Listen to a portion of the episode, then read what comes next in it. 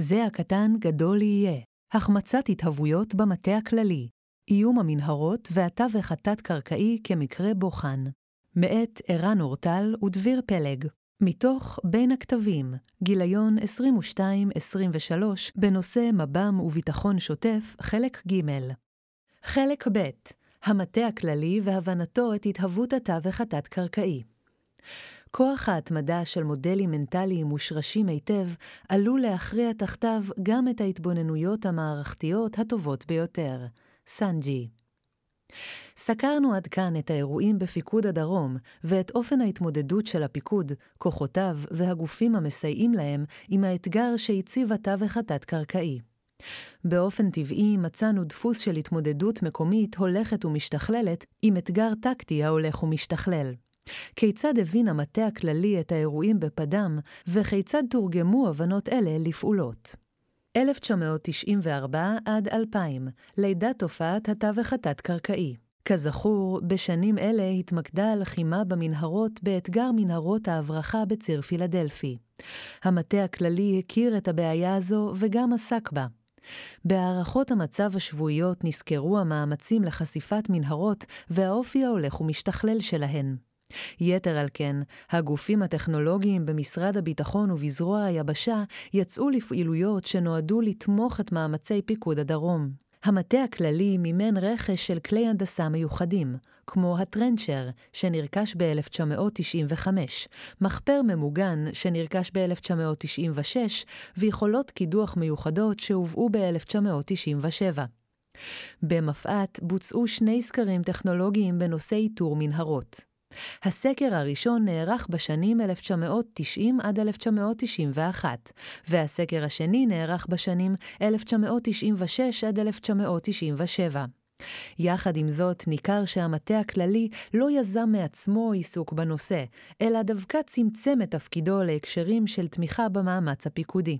ככל הידוע לנו, אין בשנים אלו מסמך רשמי של המטכ"ל המגדיר את האתגר בפדם כאתגר המתהווה והמשתנה לנגד עינינו. בנוסף, לא חל כל ניסיון לגבש תפיסת התמודדות החורגת מהתחרות הטקטית של חפירה לעומק בין החופרים הפלסטינים לבין חושפי המנהרות בפדם. במיוחד בולטת העובדה כי המטה הכללי, שהיה שקוע בכל מאודו בלחימה ברצועת הביטחון בלבנון ובעימות המתפתח מול הרשות הפלסטינית, לא השכיל לקשור בין תופעת מנהרות ההברחה בגבול רפיח לבין ההקשר האסטרטגי הרחב יותר.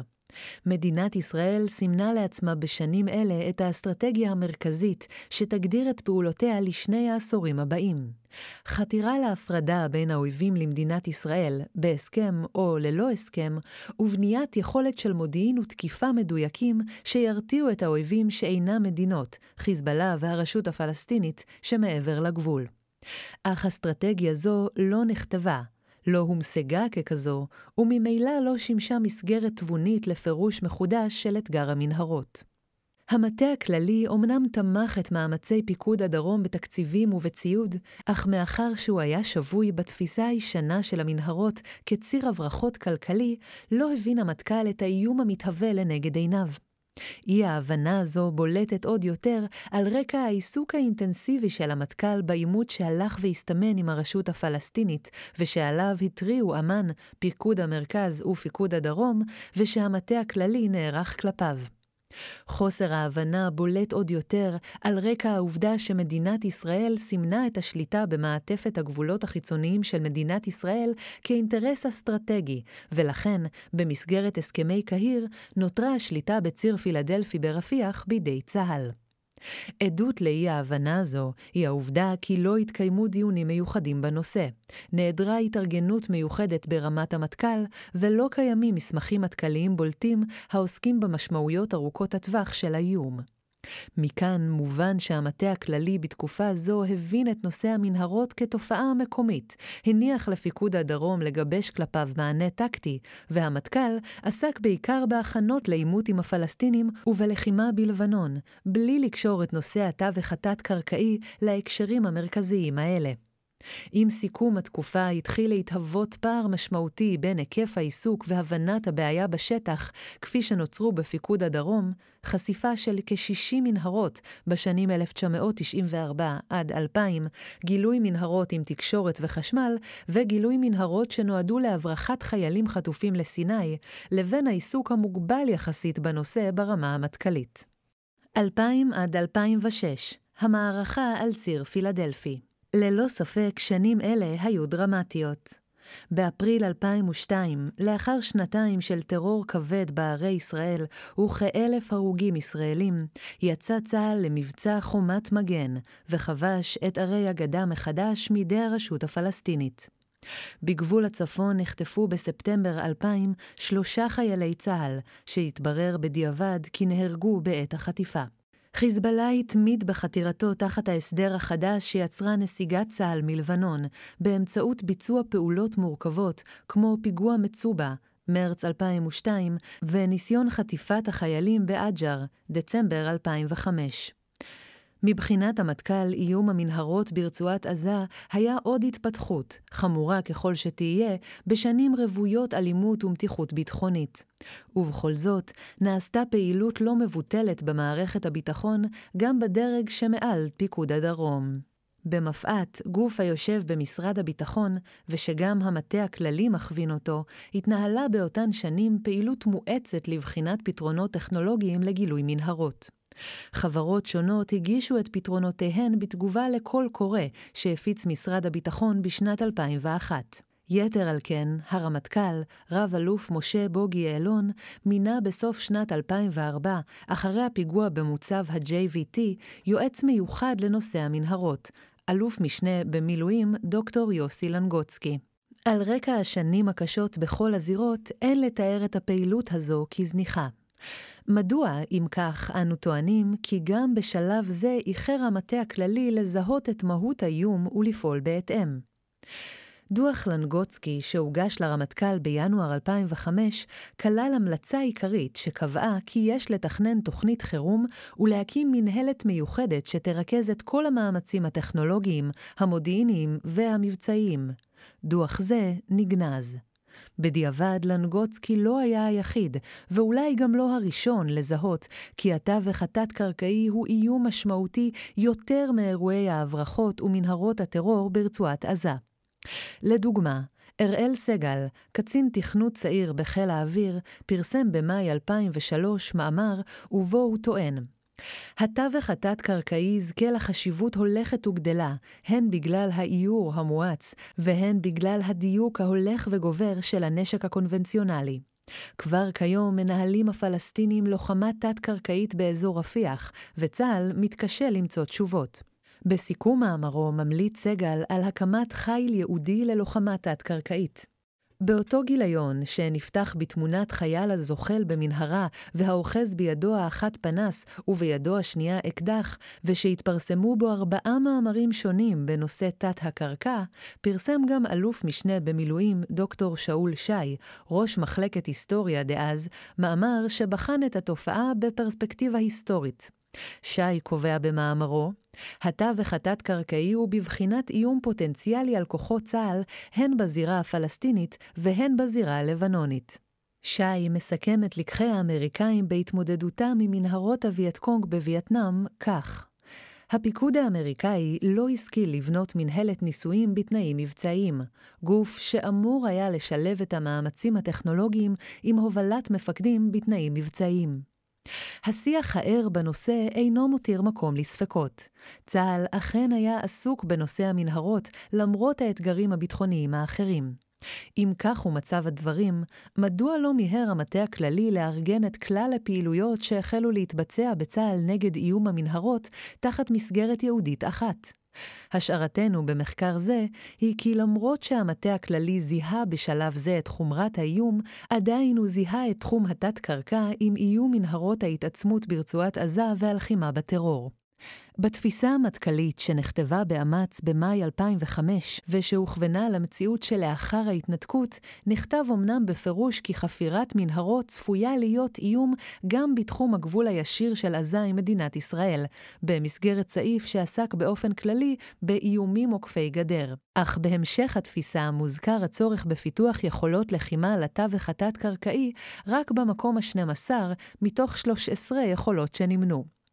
לאורך המסמך ניכר כי כותבי התפיסה מוטרדים במיוחד מאיום ההברחות הצפויות להימשך בציר פילדלפי, ומהמשמעות שלהן לגבי התעצמות האויב בנשק תלול מסלול. גם ממצגות אגף התכנון לוועדת החוץ והביטחון ולמועצה לביטחון לאומי ביוני 2004 ובאוקטובר אותה שנה, ניכר כי ההתייחסות לאיום התת-קרקעי מוזכרת אך ורק בהקשר של המשך השהייה בציר פילדלפי, וזו הייתה ההנחה באותה העת. מסגרת החשיבה הדומיננטית של המטה הכללי נותרה סוגיית ההברחות וההתעצמות. סוגיה זו האפילה גם על נושא התת-קרקע עצמו.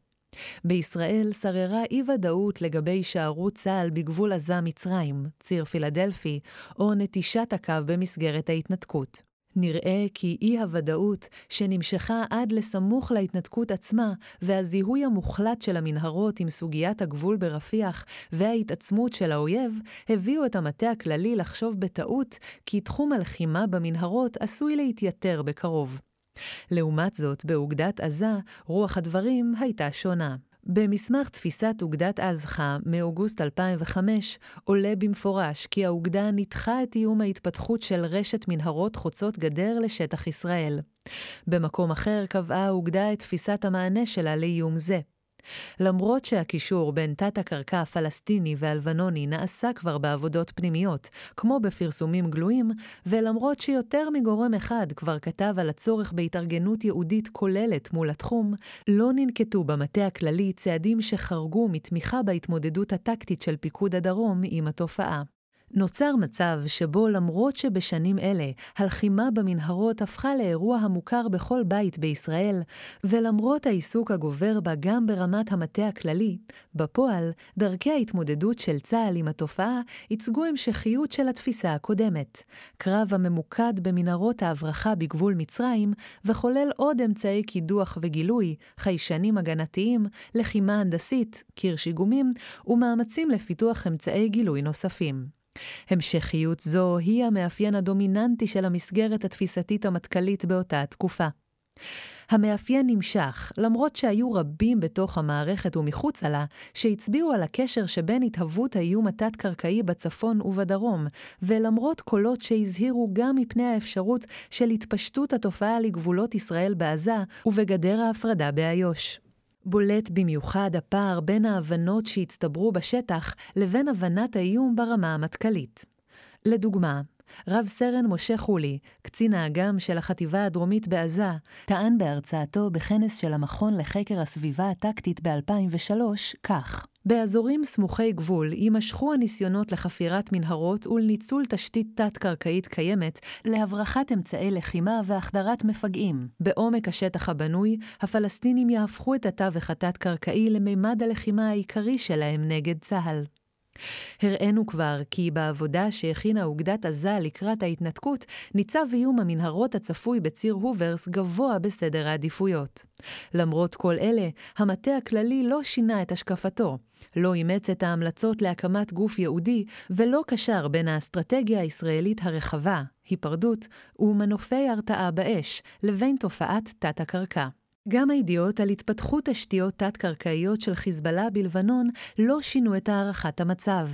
המטה הכללי, שהיה עסוק מסוף שנת 2003 בהכנות להתנתקות, תפס את אתגר המנהרות כבעיה מקומית, הברחות ולחימה ברצועת עזה. מבחינתו, יציאה מציר פילדלפי במסגרת ההתנתקות אומנם תחמיר את בעיית ההתעצמות, אך תייתר מצד שני את ההתמודדות עם המנהרות. 2006 עד 2012, המערכה על ציר הוברס. בקיץ 2006 התחברה למדינת ישראל מציאות חדשה בשתי זירות הלחימה העיקריות שלה. ברצועת עזה נחטף חייל בפיגוע מורכב שבוצע באמצעות מנהרת חדירה לשטח ישראל. בלבנון נחשפו תשתיות תת-קרקעיות שנוצלו במסגרת מלחמת לבנון השנייה לשיגור רקטות לישראל מתוך תשתיות מוגנות מפני תקיפות חיל האוויר הישראלי ותשתיות לחימה תת-קרקעיות מורכבות, שמורות הטבע. שנתיים מאוחר יותר, במבצע עופרת יצוקה, בחורף 2008-2009 בעזה, הומחש כי בעתיד כל התקפה אפקטיבית נגד מערכי הטרור תידרש להתמודד עם מערכת לחימה תת-קרקעית שהולכת ומתפתחת גם שם במידה רבה בהשראת המודל הלבנוני. כהשלמה לכל אלה, החלה להיות מותחת בצה"ל ביקורת נוקבת שטענה כי צה"ל כשל בטיפולו בסוגיה. בין היתר הודחה הביקורת בדוח מבקר המדינה. בשנים 2007 ו-2008 זיהה המטה הכללי כי התווך התת-קרקעי הוא בעיה בסיסית שאינה אתגר מקומי וזמני, ושיש להתארגן כדי להתמודד עם האיום בשלמותו. לאור הבנה זו בוצעו במטכ"ל באותן שנים שתי עבודות מטה נפרדות. באגף התכנון בוצע ניתוח של כל תחומי ההתמודדות הקיימים והמתוכננים עם איום המנהרות. תוצאת הניתוח הייתה מפת הדרכים ללחימה בממד התת-קרקעי. מפת הדרכים הסדירה את תחומי האחריות של הפיקוד המרחבי, אגף המודיעין, חיל האוויר ומפא"ת. אולם בפועל לא הניעה מפת הדרכים כל פעילות חדשה במערכת הביטחון. היא אומנם צמצמה את כמות המחלוקות בין הגופים השונים שעסקו בנושא ושיפרה את התיאום ביניהם, אך לצד זאת היא לא חרגה מתפיסת ההתמודדות של אותה העת. המודיעין יגלה פירים, חיל האוויר יתקוף אותם, מפא"ת תתאמץ לפתח מערכות גילוי לגבול היבשתי, וזרוע היבשה תהיה אמונה על המאמץ ההנדסי. לצד העבודה באגף התכנון, נעשתה באגף המבצעים של המטה הכללי עבודה תפיסתית בנושא. גם עבודה זו לא חרגה מהתפיסה הקיימת, והתמקדה בעיקר בקריאה לחזור לתמרון קרקעי. נראה שניתן להבין יותר את הקריאה הזו על רקע הימים ההם של חזרת צה"ל למקורותיו, אחרי מלחמת לבנון השנייה, מאשר על רקע של בחינה מהותית לתפיסת ההתמודדות עם התווך התת-קרקעי. נראה היה כי כעת התעורר המטכ"ל והבין את גודל הבעיה, ואף הגיע לכדי מוכנות להשקיע משאבים נוספים לצורך הטיפול בה. עם זאת, עדיין נמנע המטכ"ל משני דברים מהותיים. האחד, דיון תפיסתי מהותי ברמה בכירה באשר לאתגר התפיסתי שהעמיד התווך התת-קרקעי בפני צה"ל, וגיבוש תפיסת מענה חדשה. השני, בהמשך לעניין הראשון, התארגנות יהודית החורגת ממגבלות חלוקת העבודה הקיימת בצה"ל. תפיסת המענה המטכ"לית לא בוררה במידה מספקת, בעוד באגף המבצעים המליצה המעבדה התפיסתית על תפיסה שעיקרה תמרון יבשתי, בפועל סיגל לעצמו צה"ל דפוס פעולה שעיקרו תקיפה אווירית של פירים ברצועה. הפרדוקס המצוי בתקיפה אווירית של תווך שכל מהותו הוא ההסתגלות של האויב לעליונות האווירית של צה"ל, לא זכה לביטוי במערכת ההבנות של המטכ"ל בתקופה הנדונה. חשוב לציין כי גם בתקופה זו לא חסרו קולות בצה"ל ומחוצה לו, שחזרו וטענו כי בהיעדר דיון תפיסתי נוקב ועמוק, ובהיעדר התארגנות הולמת לתפיסה חדשה שתוצג, לא תיתכן התקדמות אל מול התהוות האיום התת-קרקעי. לדוגמה, אלוף משנה איתן יצחק טען במאמר מדצמבר 2008 כי באמצעות הלחימה בממד התת-קרקעי הצליח האויב לנטרל במידה כה רבה את חילות האוויר והשריון של צה"ל, עד כי אלה הפכו מבחינתו מאיום אסטרטגי לבעיה טקטית בלבד. נראה שכדי לשנות את המציאות הזאת, על צה"ל לבחון מהיסוד את תורת הלחימה שלו. מכאן שלמרות ההתעוררות לכאורה של המטכ"ל והבנת גודל האיום, נגרר צה"ל לעיסוק שעיקרו היה עוד מאותו הדבר, בגלל היעדר הבנה מהותית חדשה של האתגר. 2012 עד 2014, מעמוד ענן לצוק איתן. בשנים אלו לא ניתן היה עוד להתעלם מחומרת האתגר המתהווה. ביקורי בכירים באחת המנהרות שפיתחה התגלה בעומק שטח ישראל היו לדבר שבשגרה. בחורף 2013, תחת הרושם של גילוי אחת המנהרות וזיכרון פיגוע המשיכה של חמאס בנובמבר של השנה שחלפה, החלה להתהוות ההבנה במטה הכללי שלפיה, ככל הנראה, יפרוץ העימות הבא בגלל הידרדרות סביב מאמצי החיפוש והגילוי של פיקוד הדרום את המנהרות בשטחנו. בהדרגה התגבשה גם ההבנה כי התיאור של פיקוד הדרום את איום המנהרות כאיום אסטרטגי המכוון לחדירה קרקעית בהיקף משמעותי לשטח ישראל איננו מוגזם. כל הפעילות הנוגעת לחשיפת מנהרות במישור ההנדסי והטכנולוגי בשטח ישראל ובמישור המודיעיני בתחומים אחרים קיבלה האצה משמעותית. לפחות שישה תהליכים רשמיים של בדיקת היתכנות הונעו בשנים הנדונות במפא"ת. פרויקט גילוי טכנולוגי גדול, שכשל בינתיים בפיקוד הדרום, עבר לשלב המבצעי-מעשי, והתקיימו השתלמויות בנושא תת-קרקע בשיתוף קציני אוגדת עזה וצוותי מודיעין. כל אלה היו רק חלק מהפעילויות שנערכו בתקופה זו. לקראת אביב 2014, במסגרת דיונים במטה הכללי על התוכניות המבצעיות של פיקוד הדרום, התבהרה ההבנה כי אכן חל שינוי מהותי בתפיסת הלחימה של חמאס. לפיכך, נידונו השינויים שביצע פיקוד הדרום בתוכניותיו, בעיקר לאור ההבנות שגובשו אצלו על איום המנהרות החודרות, ושאושרו במטה הכללי. קצב השינוי, כפי שהתבהר למערכת הצה"לית בשנתיים שחלפו מאז מבצע עמוד ענן בנובמבר 2012, היה מואץ ומשמעותי. לפי תפיסת צה"ל, חמאס הובס בעמוד ענן באמצעות השילוב בין תקיפות מדויקות לבין ההגנה שהעניקה מערכת כיפת ברזל. היו שהבינו כי אסטרטגיית ההיפרדות וההרתעה עובדת. אך הארגון המובס והנצור הזה פיתח תפיסת התקפה לשטח ישראל. למרות ההבנה הזו, המטה הכללי לא שינה באופן מהותי את האופן שבו הוא טיפל באיום. נקבעו דיוני מעקב תכופים יותר, ובהשתתפות קצינים בכירים יותר, שעקבו אחר התקדמות מאמצי המחקר והפיתוח הרלוונטיים, והוקצו עוד אמצעים הנדסיים לפיקוד הדרום. גם בתחום המודיעיני ניכר כי בוצע מאמץ רב. עם זאת, המטכ"ל לא שינה באופן בסיסי את התארגנותו סביב האתגר. לדוגמה, לא בוצע תהליך בחינה תפיסתי בין-זרועי נוסף על העבודות של שנת 2008, למרות שהשינוי בהבנתנו את התפיסה של חמאס היה גלוי לעין. בעוד שמיטב המאמצים התמקדו בגילוי חללים תת-קרקעיים, מעט מאמץ הושקע בשאלה כיצד משמידים תשתית מנהרות, או בשאלה כיצד מאתרים באופן מדויק, באמצעות כוחות קרקעיים, כניסות של מנהרות שמיקומן ידוע באופן כללי, אך לא בדיוק מספיק. סוגיות לא פתורות אלו עתידות היו להעסיק את הכוחות הלוחמים בצוק איתן. גם מדיניות הפעלת הכוח שאישר המטה הכללי לא שונתה. תקיפות או פשיטות בשטח הרצועה לא אושרו בתקופה זו, למעט כתגובות נקודתיות להפרות הרגיעה מצד ארגוני הטרור בשל ההעדפה, הלגיטימית כשלעצמה, לא להפר את הרגיעה בגזרה. המשבר, כפי שכינינו את התקופה הזו, נבע אם כן מהפער שהלך ונפער באופן גלוי בפני מקבלי ההחלטות. הפער בין חומרת האיום והתפתחותו לבין היכולת של המערכת להבין, להתארגן ולשנות כיווני פעולה. לא נותר לפיקוד הדרום אלא להכין תוכנית הגנה מתוגברת הרבה יותר בשטח ישראל, ולפתח רעיון של התקפה לקו פתחי המנהרות ברצועת עזה. בצה"ל לא פותחו עדיין כלי התמודדות אחרים.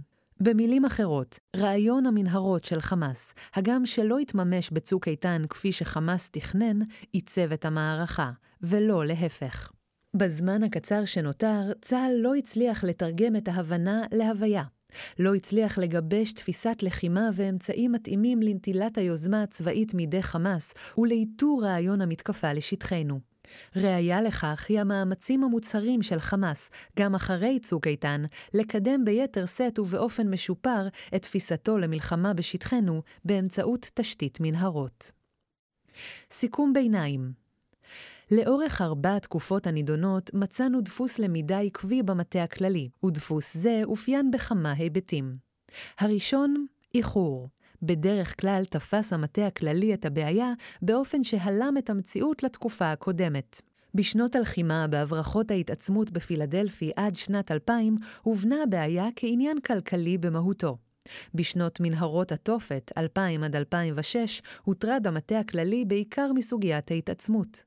בשנים 2012 עד 2014, כשהמטה הכללי כבר הבין היטב את איום מנהרות החדירה לשטחנו, עבר חמאס כבר מהפכה פרדיגמטית שנייה, שעניינה היה הפיכת התווך התת-קרקעי לתווך הלחימה העיקרי של הארגון, באמצעות ארגון כוח נוח'בה. השני, היגררות לבקרה על דרגים כפופים.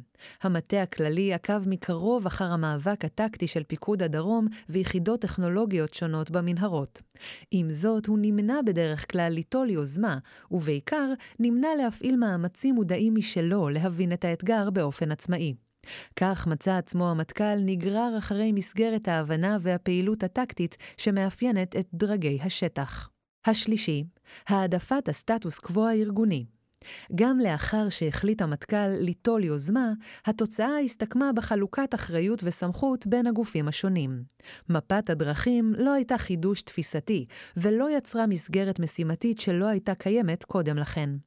המטכ"ל נמנע מפגיעה בחלוקת הסמכויות הקיימת בין הגופים השונים להתארגן מחדש, ומיעט יחסית גם בהקמה של יחידות חדשות.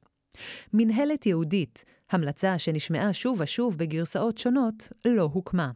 בכך למעשה מנע המטכ"ל מעצמו את האפשרות לפתח מסגרת הבנה הקושרת את תופעת המנהרות בשטח להקשר האסטרטגי הרחב יותר. הרביעי, אי העמדת מסגרת אסטרטגית מפרשת לתופעות הטקטיות. בעוד שהמטה הכללי הקפיד להיות בקיא במתרחש בפיקוד הדרום, כמו בזירות אחרות, לעקוב מקרוב וגם לסייע למאמצי הלחימה במנהרות, הוא לא העמיד הקשר של תפיסה אסטרטגית רחבה כרקע לדיוני האיום שנשקף מהתווך התת-קרקעי. לעתים רחוקות, אם בכלל, נידון אתגר המנהרות תחת הפרספקטיבה הרחבה של אסטרטגיית ההיפרדות הישראלית בחסות הרתעה מבוססת אש. לתפיסתנו, בנוכחות מסגרת דיון כזו, ניתן היה להבין כבר בשלב מוקדם כי המנהרות חוצות הגבול לצורך הברחה של שנות ה-90 בציר פילדלפי אינן בגדר תופעה מקומית וחולפת. הראיה לאפשרות המוחמצת של זיהוי התופעה היא קבוצה לא קטנה של מסמכים גלויים ומסמכים פנים-צבאיים שהצביעו בזמן אמת על ההשפעה האסטרטגית של האתגר, וזכו להשפעה מעטה. חלק ג' זה הקטן גדול יהיה. מדוע המטה הכללי מחמיץ את ההתהוות? הדגים הם האחרונים שמגלים שיש מים. במקרה המבחן של איום התווך התת-קרקעי והמנהרות, הצגנו סדרת עובדות ופרשנות המסבירה אותן. למרות פעילות אינטנסיבית שאפיינה את כל התקופות, מאז אמצע שנות ה-90 כשל המטה הכללי בפיתוח תובנות עצמאיות משלו על המצב. תחת זאת, הוא בחר לתפוס את האירועים בפיקוד הדרום כבעיה מקומית, גם אם הולכת ומחמירה. כהמשך הגיוני לכך, בחר המטה הכללי לתמוך, לא בלי סייגים תקציביים, במגוון הפעילויות הטקטיות שבוצעו בגופים השונים, ותו לא. דפוס זה לא השתנה במהותו, גם כשהכיר לבסוף המטה הכללי, בשנים שלאחר שנת 2006, בעובדה כי האתגר אינו מקומי וזמני. האם יכול היה המטכ"ל בזמן אמת להבין את ההתהוות המתרחשת לנגד עיניו? כקבוצת בקרה על אבחנותינו אלה, הבאנו מגוון כתבות, מאמרים גלויים, מסמכים פנימיים ודוחות רשמיים, שכולם הצביעו בזמן אמת על הצורך להכיר באתגר כאתגר אסטרטגי ולהיערך כלפיו באופן ייעודי. כעת מתבקשות כמה שאלות המשך. האם הייתה קיימת אלטרנטיבה טובה יותר להתמודדות עם האתגר? אם כן, מדוע לא הצליח המטה הכללי להבין את האתגר ולפעול בהתאם? האם מקרה התווך התת-קרקעי אכן מייצג את מערכת הלמידה המטכ"לית, או שמא זהו אירוע ייחודי, פרט שאינו מעיד על הכלל? שאלה זו היא גם המניע האמיתי למחקר זה. ולבסוף, אם מקבלים את הפרשנות שהצגנו עד כה, כיצד ניתן לתקן את הקושי המובנה הזה במעגל הלמידה של המטה הכללי? מבצע צוק איתן, ה-17 באפריל 2018. נתחיל בשאלה הראשונה. דוח לנגוצקי ודוח מבקר המדינה טענו כי התארגנות יהודית לנושא תת-הקרקע, ביחד עם תפיסת האירוע במונחי חירום, יכולה הייתה להאיץ את תחום הפתרון הטכנולוגי והתפיסתי. העובדה כי המטה הכללי מצא לנכון לבצע שתי עבודות מטה בשנת 2008 ולכתוב מפת דרכים, מעידה שגם לפי תפיסת המערכת המטכ"לית עצמה, היה מקום לשיפור הטיפול המערכתי בתחום. זאת ועוד, בקיץ 2014 נכנסו כוחות צה"ל לרצועת עזה במבצע קרקעי שכל תכליתו הייתה להגיע לפתחי המנהרות ולנטרלן. המבצע התארך בשל העובדה כי הכוחות נתקלו בקשיים בביצוע משימותיהם, ובשל העובדה כי רבים מהפיתוחים בתחום גילוי תוואי המנהרות והשמדתן התנהלו במהלך המבצע ממש. צה"ל התמודד עם משימת גילוי פירים בשטח מורכב ועם הצורך להשמיד תוואי מנהרות מאז שנות ה-90. לכן יש מקום להניח כי לכל הפחות, בתנאים תפיסתיים וארגוניים אחרים, אמצעי הלחימה שפותחו תוך כדי המבצע היו יכולים להתפתח מוקדם יותר, ולהיות מלווים גם בתורות לחימה ובתוכניות מבצעיות הולמות. לא מן הנמנע כי התרומה של מאמץ תפיסתי בין-תחומי, הקשור גם ליכולת מימוש בתקציבים ובארגון, הייתה מסתכמת בתרומה גדולה יותר. לסיכום נקודה זו, בתום 20 שנות התמודדות ומיליארדי שקלים שהוצאו באפיקים שונים לפיתוח שלל מענים ואמצעים, אפשר להניח כי ארגון יהודי ברמת המטה הכללי, המרכז תחתיו יכולת תפיסתית לצד יכולת ביצועית, היה יכול להגיע לתוצאות טובות יותר, וככל הנראה גם חסכוניות יותר. לרוע המזל, רוב מנתחי המערכות מתמקדים במורכבות של פרטים, ולא במורכבות דינמית. סנג'י באשר לשאלה השנייה, מדוע התקשה המטה הכללי לזהות את ההתהוות ולגבש כיווני פעולה הולמים לאיום, זיהינו כמה דפוסי פעולה המאפיינים את המטה הכללי. ראשית, הפרעות קשב. המטכ"ל נוטה לעסוק באירועי התקופה ולדחות את העיסוק בלא דחוף. בשנות ה-90 רצועת הביטחון הייתה העיסוק הדחוף. בתחילת שנות ה-2000, הלחימה ברשות הפלסטינית, ובמחצית שנות ה-2000, נושא האיום של הירי תלול המסלול. על אף היותו מפקדה אסטרטגית, לא פיתח המטה הכללי מנגנונים שיטתיים שיאפשרו לו התבוננות רוחב בו זמנית על האירועים השונים. נראה כי הן אגף המבצעים והן אגף התכנון נוטים להעדיף העמקה בסוגיות הבוערות של היום, גם אם הם עושים זאת בכפילות מסוימת לעבודת הפיקודים המרחביים והזרועות, על פני גיבוש מסגרת הבנה רחבה יותר וארוכת טווח. שנית, בהמשך לנאמר בסעיף הקודם, חשיבה לוקאלית, אנליטית. המטה הכללי הוא ארגון גדול, בעל מאפיינים בירוקרטיים.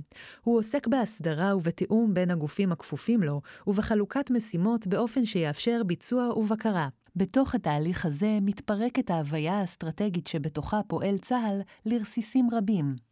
קונקרטית, אם נושא דיון מוגדר כדיון הברחות ברצועת עזה, רוב הסיכויים הם כי תהליך עבודת המטה יוביל לדיון טכני, עמוק ומרשים בתחום, אך הוא לא יגיע להקשרים הרחבים יותר של התופעה. כך מוסגרה בעיית תת-הקרקע בתוך המנגנון המטכ"לי בהקשרים לוקאליים כאלה ואחרים, הברחות, התעצמות, פיגועים נגד מוצבים, והיא לא נתפסה כתופעה רחבה יותר. שלישית, הדחקה הנובעת מדיון מוטה יציבות ומשאבים. המציאות במטה הכללי היא שכל הגופים דורשים משאבים נוספים ושינוי בנקודת העבודה. לכן המטה הכללי פיתח חסינות שאינה מודעת מפני דיונים מהסוג הזה. יתר על כן, באופן טבעי, המטה הכללי הוא זירת התגוששות פוליטית בין גופים שונים המסרבים לוותר על סמכות, על אחריות ועל משאבים. לכן, כארגון בירוקרטי, קיימת במטכ"ל חתירה טבעית להחלטות שבבסיסן יש קונצנזוס ארגוני, ורצון להימנע מפגיעה בסדר הארגוני הקיים. לדוגמה, לא נראה שמישהו במטה הכללי חתר לגיבוש תפיסת מענה מקורית ופורצת דרך כשהטיל את משימת התכלול של המאמץ הצה"לי על קצין ההנדסה הראשי. בדיעבד, הדחקה זו שכרה בהפסדה. רביעית, היגררות כלפי מטה. אג"ת ואמ"ץ הם אגפי מטה מתאמים לתחומי בניין הכוח והפעלתו. המשמעות היא שכל מומחיותם היא תיאום תחומים מקצועיים. מכאן שצורת התפקוד המרכזית של המטה הכללי אינה ניסיון למצוא אפיקי פעולה חדשים, אלא היא תיאום ובקרה על הפעילויות המקצועיות של הפיקודים, האגפים והזרועות. מכיוון שחלק גדול מעניינו הוא בקרה, המטכ"ל נמשך לעסוק בפרטי הפרטים המבצעיים והטכנולוגיים של הפעילות בגופים השונים. ככל שהוא מעמיק בכך, כך הוא מתקשה לפתח הסתכלות רוחב. לבסוף, וחשוב מכולם, המטכ"ל לא הצליח, לפחות במקרה הבוחן הזה, ועל פי הנתונים שבידינו, לפתח הקשר אסטרטגי לדיון בתחום התווך התת-קרקעי. במקרה זה, מאמרים ודוחות של פרטים בתוך המערכת ומחוצה לה גילו הבנות עומק טובות יותר מאלה שגילה הממסד הצבאי. לדוגמה, ברון וולנסי טענו כך: בבסיס תפיסת הלחימה של הציר הרדיקלי שהתפתחה, עמדה ההכרה בעליונות הטכנולוגית של הצד האחר. עם זאת, היא התבססה על ההנחה שלצד החזק מבחינה טכנולוגית ישנה נקודות תורפה משמעותיות, שאותן ניתן לנצל כדי לקזז את עליונותו הטכנולוגית. התפתחה צורת לחימה הכוללת את המאפיינים הבאים: שימת הדגש על שרידות של הכוח הלוחם ושל מערכים נוספים, באמצעות שימוש במיגון, בראש ובראשונה מנהרות, אך גם בונקרים וביצורים, באמצעות ניהול המלחמה במרחבים עירוניים רוויי אזרחים. לשרידות מסייעת גם תורת התקפה שגובשה. זו שמה הדגש על הפעלת אמצעי לחימה נמוכי חתימה, שימת הדגש על שימוש בנשק בליסטי תלול מסלול. ככלל, למרות שהייתה קיימת הבנה כי הצד השני נמצא בתהליך מודע ושיטתי של טרנספורמציה, וכי מהות התהליך הזה היא חתירה תחת האסטרטגיה הישראלית של היפרדות והרתעה באמצעות אש, המטכ"ל לא הצליח לתרגם את ההבנה הכללית הזו לפרספקטיבה מעשית של למידה. לכן לא זיהה המטכ"ל את הפוטנציאל של התווך התת-קרקעי במסגרת האסטרטגיה המתהווה של הצד השני, ולאחר שזיהה את התופעה, הוא לא השכיל לפתח תפיסת מענה הולמת, ובוודאי לא הגיע למימושה בבניין כוח משלים. המטה הכללי התקשה לגבש מסגרת פרשנית בסיסית של הסיטואציה האסטרטגית המתמשכת, לפרש את האירועים הטקטיים לאורה ולהקדים ולפעול בהתאם. לגבי השאלה השלישית, האם זה מקרה מייצג או שמא מקרה ייחודי, קשה להקיש ממקרה מבחן אחד על שאלה זו. נציע לקוראים לשאול עצמם את השאלה הזו באמצעות הרהור בתהליכים אחרים. מה ניתן ללמוד, למשל, מהאופן שבו צה"ל הבין את איום הנשק תלול המסלול ונערך כלפיו? מצד אחד, צה"ל מחזיק היום במערך ההגנה המתקדם בעולם נגד איומים בליסטיים. מצד שני, זכורה לכל ההתנגדות של צה"ל בזמנו להצטיידות במערכת כיפת ברזל. האם הצליח צה"ל להסתגל לעידן מלחמות האש באופן מספק? לגבי היכולת להתארגן באופן ייעודי מול התהוות של איום חדש, אמנם הוקם מערך הגנה פעילה בחיל האוויר. עם זאת, מערך זה אינו אלא הסבה של מערך הנ"מ הוותיק. במילים אחרות, המטה הכללי לא נאלץ לקבל החלטות על התארגנות יהודית בצה"ל מול איום זה. שאלה נוספת היא מדוע הוקמה במפא"ת מנהלת חומה למלחמה באיום הטילים, ולא הוקמה מנהלת דומה לתחום התווך התת-קרקעי. שגיאה היא אירוע שטרם ניצלנו את מלוא התועלת שבו לטובתנו. סנג'י השאלה השלישית היא כמובן המטרידה מכולן.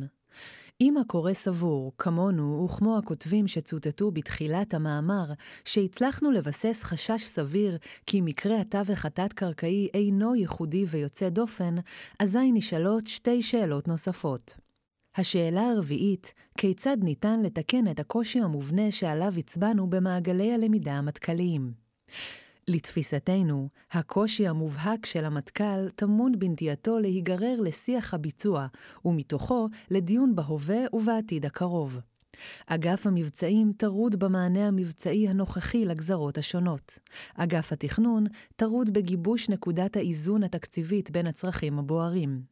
הזרועות חושבות במונחים הצרים שלהן, והגופים הטכנולוגיים פועלים על פי ההיגיון שלהם.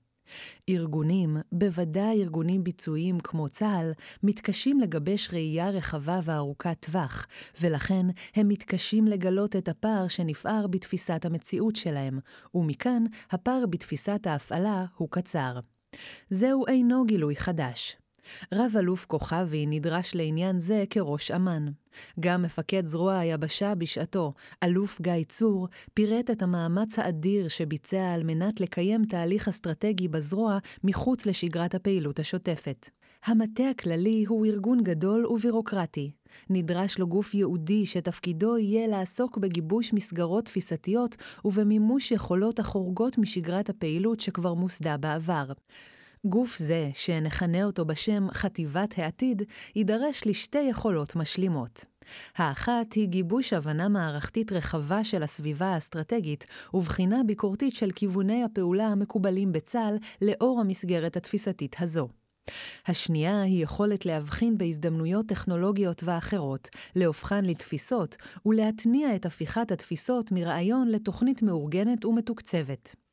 חטיבת העתיד צריכה לחנות בין אגף המבצעים, האמון על הפעלת הכוח והבנת הפערים במבנה הצה"לי הקיים, לבין אגף התכנון, המחזיק ביכולות התקציביות ובאחריות על התוכניות העתידיות של צה"ל. שאלה חמישית ואחרונה אם אכן איתרנו דפוס ארגוני קבוע, האם אנחנו מצויים גם היום בתוך התהוות חדשה של איום אסטרטגי שאליו נערך באיחור אופנתי נוסף? אם כן, מהו? האם זהו איום המערכה המשפטית והציבורית נגד ישראל? האם זהו מימד הסבר ההתקפי שמתעלם ממרחב גיאוגרפי ומכוון להפוך את היתרון האיכותי הטכנולוגי של מדינת ישראל לתורפתה? האם זוהי תופעת הכטב"מים והרחפנים הזעירים, שהפכו נפוצים וזולים, ושמאיימים להגדיר מחדש את מושגי הכוח האווירי ויכולות ההתעלמות מגבולות ומכשולים? מיהו הקטן, החדש, שעוד גדול יהיה? כיצד אנחנו נערכים לקראתו? האם הפכנו את השגיאה של העבר ליתרון של העתיד?